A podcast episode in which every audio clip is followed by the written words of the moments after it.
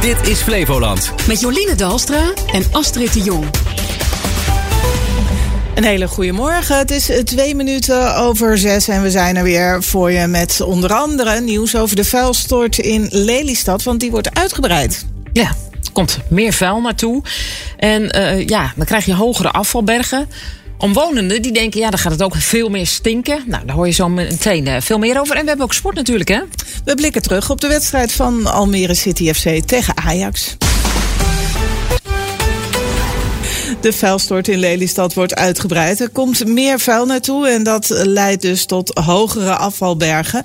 En sommige mensen uit Lelystad die maken zich daar zorgen over. Afvalzorg, dat is de eigenaar van de vuilstort, wil met hen in gesprek. Maar dat wil nog niet zeggen dat het plan wordt aangepast, zegt directeur Mark Vaal dat is op dit moment nog te vroeg, want het hangt ook heel erg van de motieven af die de mensen dan aanreiken om die uitbreiding niet te willen.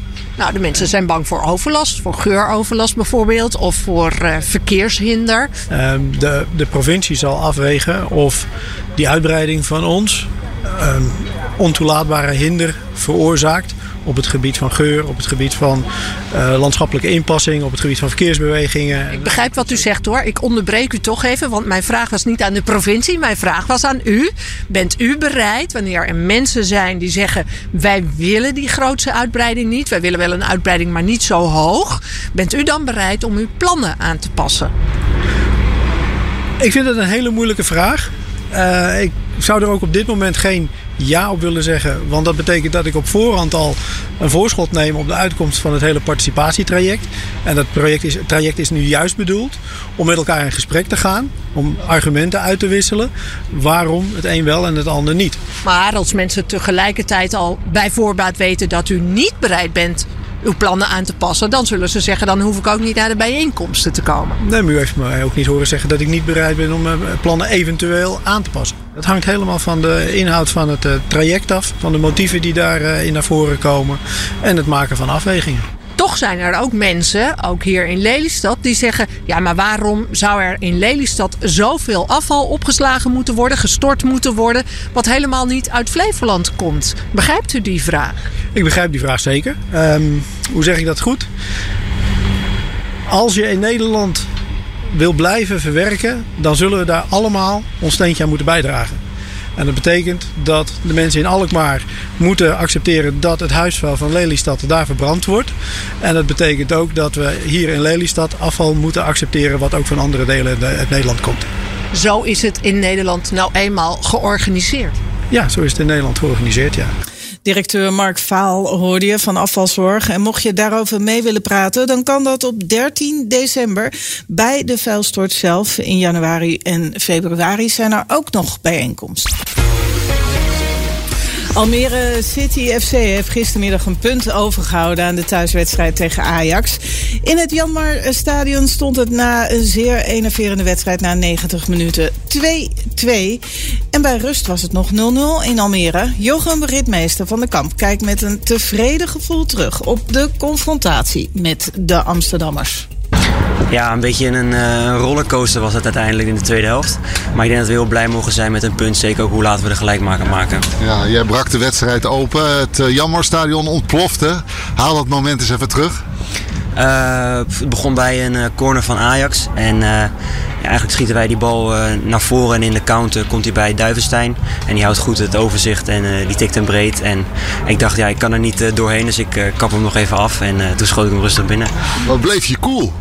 Ja, ik moest wel. Ik dacht van ja, ik kan hem nu ook tegen hem aanschieten, maar dat is niet mijn bedoeling. Dus ik dacht, ik ga er nog even omheen. Ja. Heerlijk moment voor jou. En uh, je zoekt ook nadrukkelijk iemand uh, daar op de tribune. Hè? Uh, met wie zocht je contact? Ja, met mijn vrienden. Die hadden kaartjes voor de, voor de business tribune. Dus die had ik beloofd dat ik voor ze zou proberen te scoren. En daarna ook nog natuurlijk mijn ouders. Die zaten aan de andere kant. En ja, die steunen me gewoon altijd. Daar ben ik gewoon heel blij mee. Ja.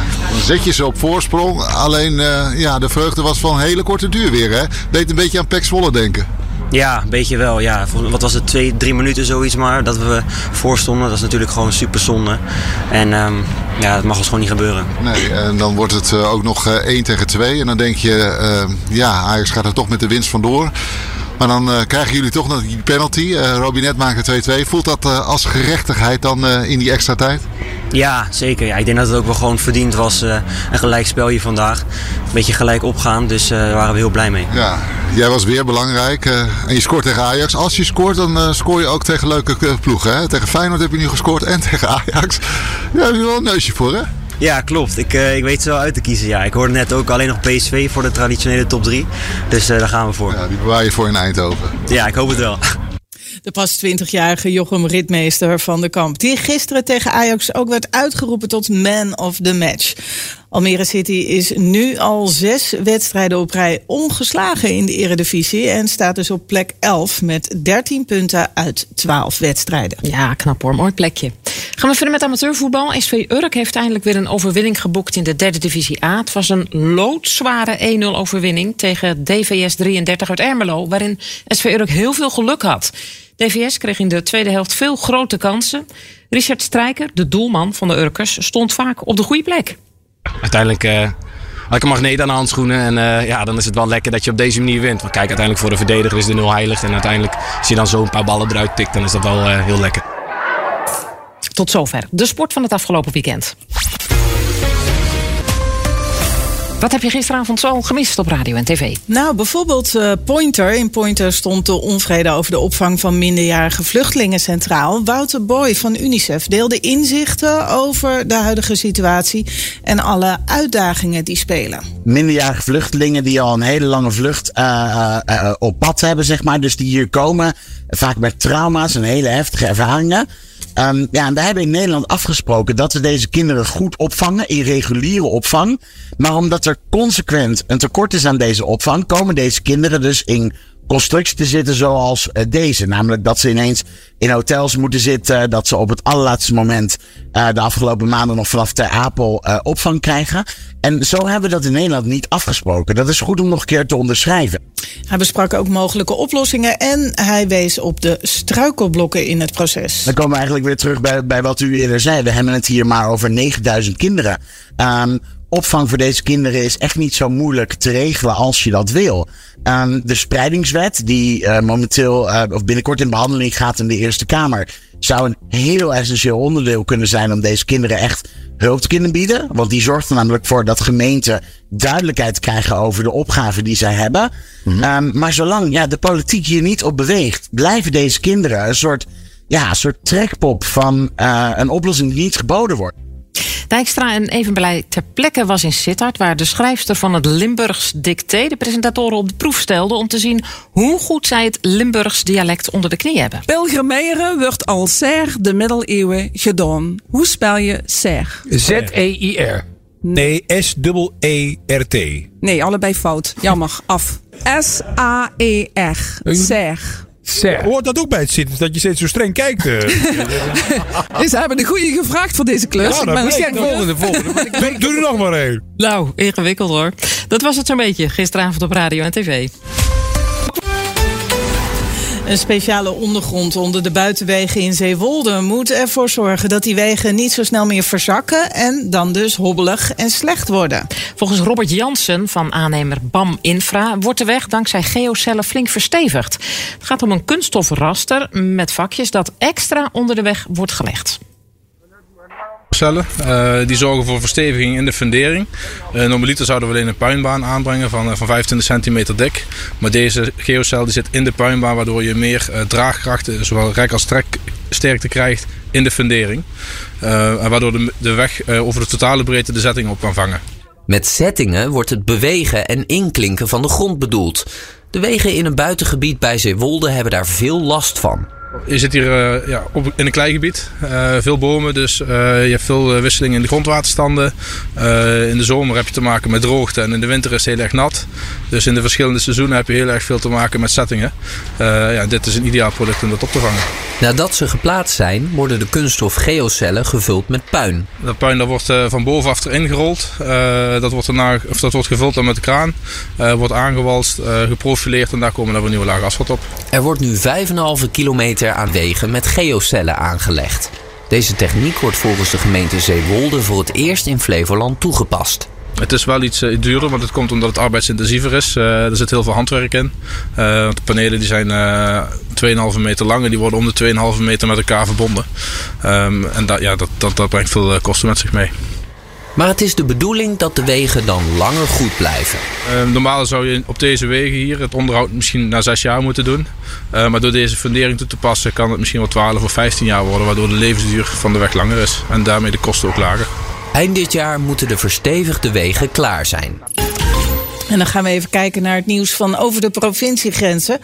Ruim een kwart van de sociale huurwoningen die vrijkomen, ging vorig jaar naar huurders die voorrang krijgen op de wachtlijst. Vooral de grotere gemeenten hebben allemaal hun eigen manieren om de weinige beschikbare sociale huurwoningen te verdelen. En zolang er niet meer extra woningen worden gebouwd, blijft het uiteindelijk moeilijk om door te stromen naar een passende woning. Boris bijvoorbeeld, hij is net afgestudeerd, maar komt maar moeilijk weg uit zijn studenten huizen in Utrecht. Hij staat op de wachtlijst voor een sociale huurwoning. Een woning die voldeed ongeveer aan wat ik ervan verwacht. Was ik een van de 2200 en een andere was een van de 3000. Ik had het uitgerekend omdat ik wilde weten wat nou de kans precies was. Maar op die 3000 was het volgens een meet van 0,02 procent dat ik werd uitgekozen op nummer 1. Echt een volledig uitzichtloze situatie. Als ik er echt te veel over na ga denken, dan word ik er ongelooflijk gestrest van.